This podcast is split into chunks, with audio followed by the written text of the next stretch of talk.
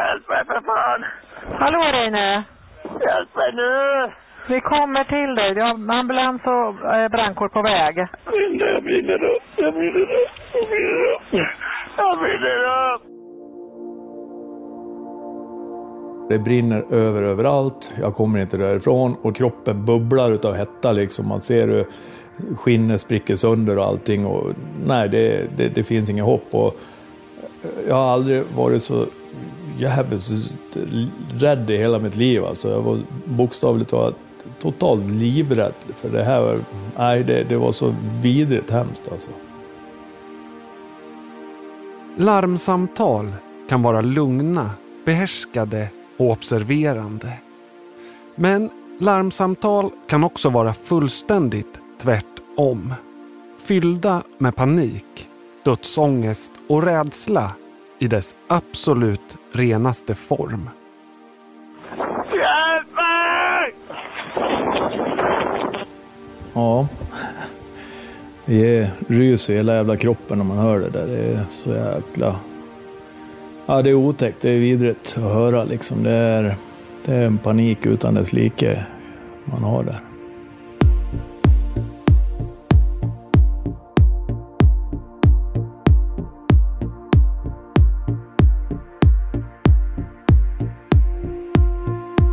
Du lyssnar på Svenska larmsamtal. En podd om när allt står på spel. Tillfället när sekunder är avgörande. När ett telefonsamtal är skillnaden mellan liv och död. En podd med och om dem som ringer 112. Jag heter Johan Cedersjö.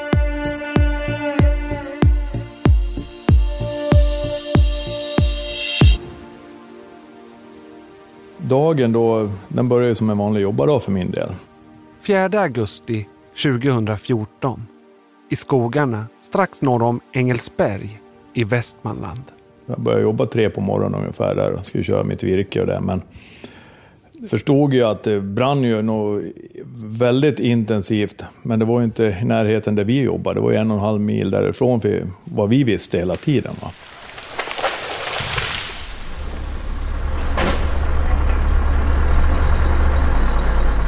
Reine Ulén har lastat timmer hela dagen. Nu har hans kollega Robban mött upp i skogen för skiftbyte. Plötsligt och extremt snabbt förändras deras syn. Det blir mörkt, eh, som på en sen kväll ungefär. Och sen säger Robban, det ser ut som det lyser någonting långt, långt bort liksom, när vi är på väg till lastbilen. Och eh, fattar inte vad det är. Sen, efter vi bara sagt det nästan, så blir allting kolsvart. Helt kolsvart. Och sen om det går fem sekunder eller om det går 30 sekunder, har jag inte en aning om. Sen blir allting bara orange. Och då ser du i det här orangea liksom hur träna faller liksom mörka skuggor, hur det bara ramlar överallt. Och då förstår vi att vi är mitt i ett eldhav. Det är runt det. Det är på alla sidor då. Det kommer liksom ifrån sidan, men det går så fort liksom så det är runt oss överallt. Det kommer liksom de stora klot som kommer liksom farandes i luften och smäller ner liksom så det bara exploderar. Det är ungefär som brandbomber som kommer. Så att, eh, ja, det, det var vidrigt. En kraftig skogsbrand härjar just nu i Västmanland. Räddningstjänsten... I Västmanland kämpar hundratals personer med att försöka slå tillbaka den stora skogsbranden som rasar där. Men de italienska vattenbombningsflygplan som skulle ha anlänt till brandområdet nu på eftermiddagen är fortfarande kvar på marken i Polen. Reine befinner sig mitt i den enorma skogsbranden. Branden trycker undan allt från nyhetsrapporteringen. Till en början är det de lokala brandstationerna som kämpar med släckning. Men branden sprider sig och nationellt brandskydd, militären och italienska vattenbombningsplan har kallats in.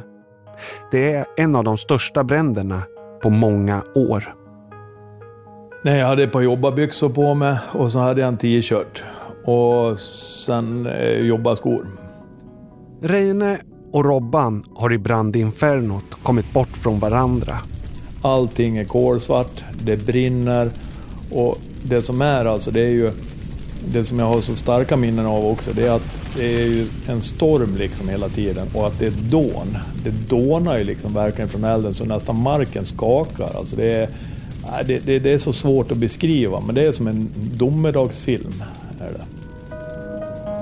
Ja, just nu jobbar vi hårt med att försöka begränsa brandens spridning, men vi har ju sämsta tänkbara förhållanden för det.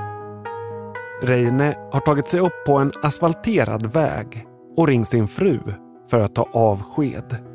Vad jag kommer ihåg så, eh, så rullade jag åt alla olika håll och låg på sidan, låg på rygg, låg på mage, liksom ställde mig på knäna och armbågarna, liksom höll på så hela tiden. För ja, det gjorde ju så ont så man ändrade ställning hela tiden. Men Reines fru Camilla har inte gett upp.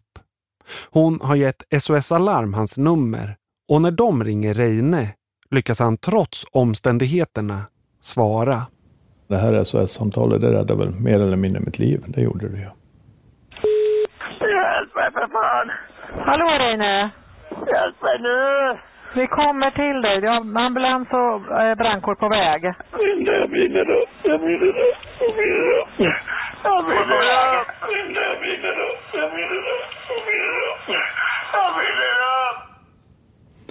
Känner du igen dig själv? Nej, nej. Det är så svårt att beskriva liksom den där paniken liksom. Den har man aldrig upplevt någon gång. Så det är så svårt att känna igen sig själv liksom. Jag hör ju på rösten att det är jag men... Nej, den där paniksituationen det är... Nej. Och det är ingenting jag vill uppleva igen. Så är det. Det låter nästan som ett barn. Har du tänkt på det? Ja.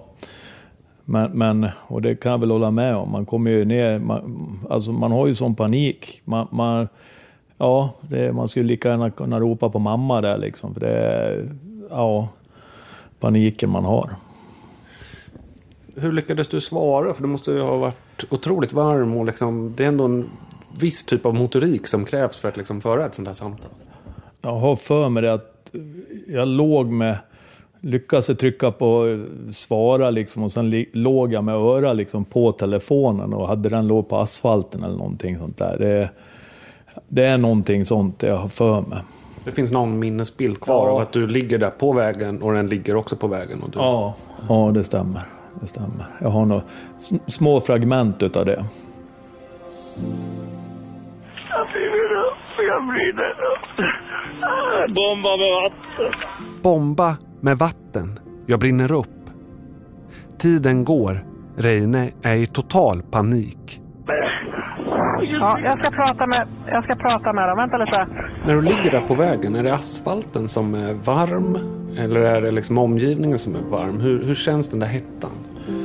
Det är både och. Det är både asfalten som är varm och det är ju hettan också. Det är alltså det, det kommer ju hela tiden, det blåser ju liksom mer eller mindre som en storm hela tiden. Alltså det är ju som en varmluftsugn hela, hela tiden.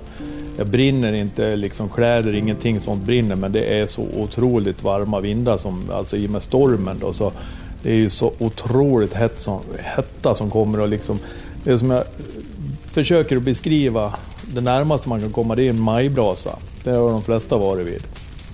Du står kanske 4-5 meter från en stor majbrasa, men du står inte där speciellt länge för strålningsvärmen. Och jag hade en majbrasa på varje sida av vägen. Och det, vägen är ungefär 6-7 meter bred. Och jag har en majbrasa på varje sida. Det är det närmaste man kan beskriva det för att någon ska förstå. Du har sagt att du blev inte bränd, du kokad. Ja. Hur menar du då? Alltså hettan har gjort att eh, det, kroppen har ju mer eller mindre kokat. Det är som en ugn ungefär. Det är vad som ligger i en, i en ugn. Och i den ugnen den låg jag i två och en halv timme. Hjälp mig! SOS Alarm har skickat upp helikoptrar för att vattenbomba runt Reine. Men de kommer aldrig fram. Sikten är för dålig. Ambulanser har varit på väg, men de har fått vända på grund av värmen. Mitt på vägen. Mitt på vägen. Och ligger runt på båda sidor de också. Kan du säga vart du gick in någonstans? Va? Vart gick du in någonstans? Det är ett enormt område som brinner. Så det som kommer att bli helt avgörande är att Reine i samtalet med SOS Alarm i sin panik ändå lyckas berätta detaljer om var han befinner sig. Från Engelsberg mot Sala upp mot Grönö, alltså mot Hästbäckkorset. Ja, precis. Ja, vi, Mitt på vägen. liksom. mitt på vägen. Vi kommer Reine, de är på väg. Det är bråttom nu. Där Reine ligger håller syret på att ta helt slut.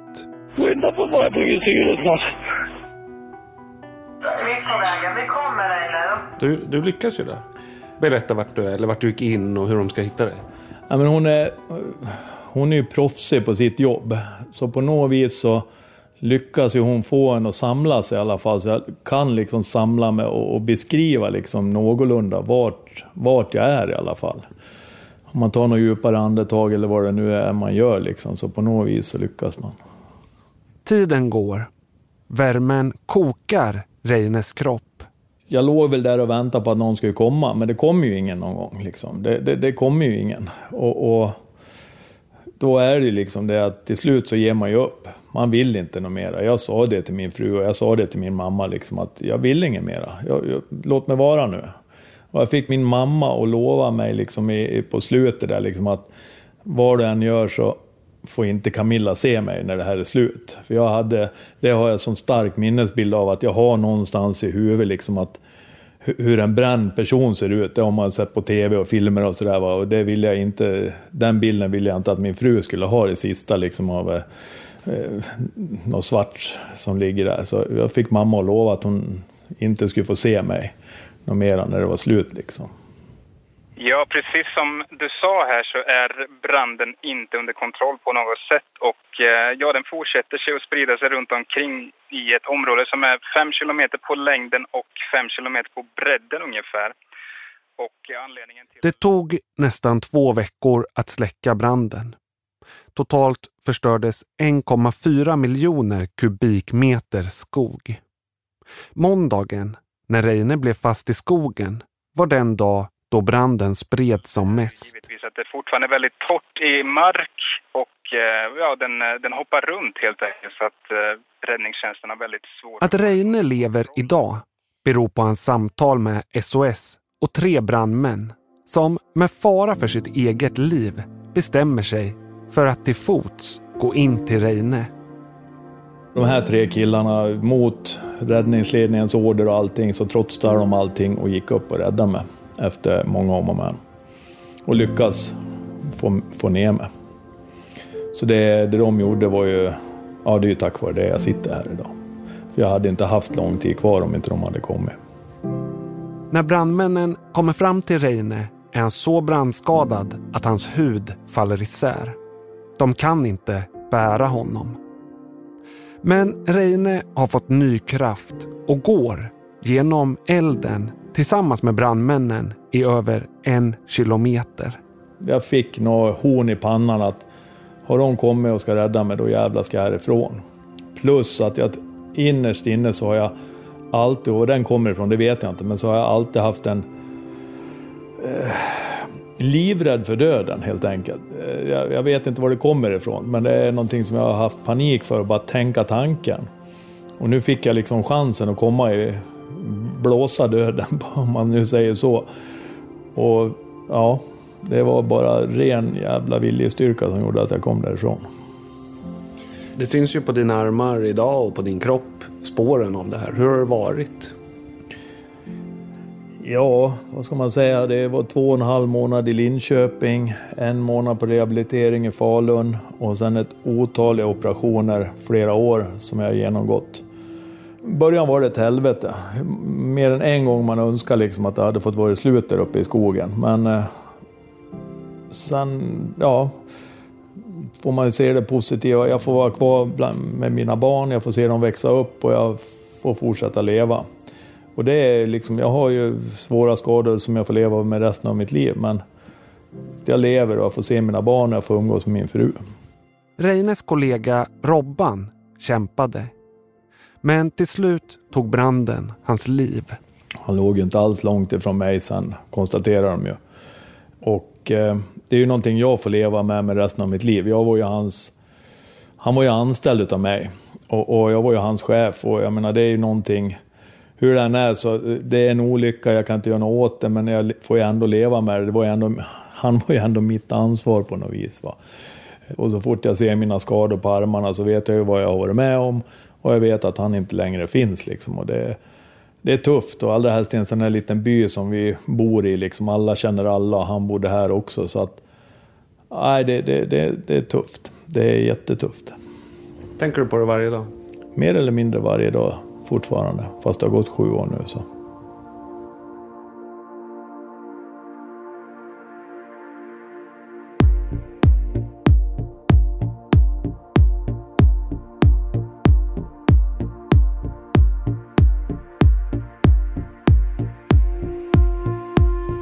Har lyssnat på Svenska larmsamtal.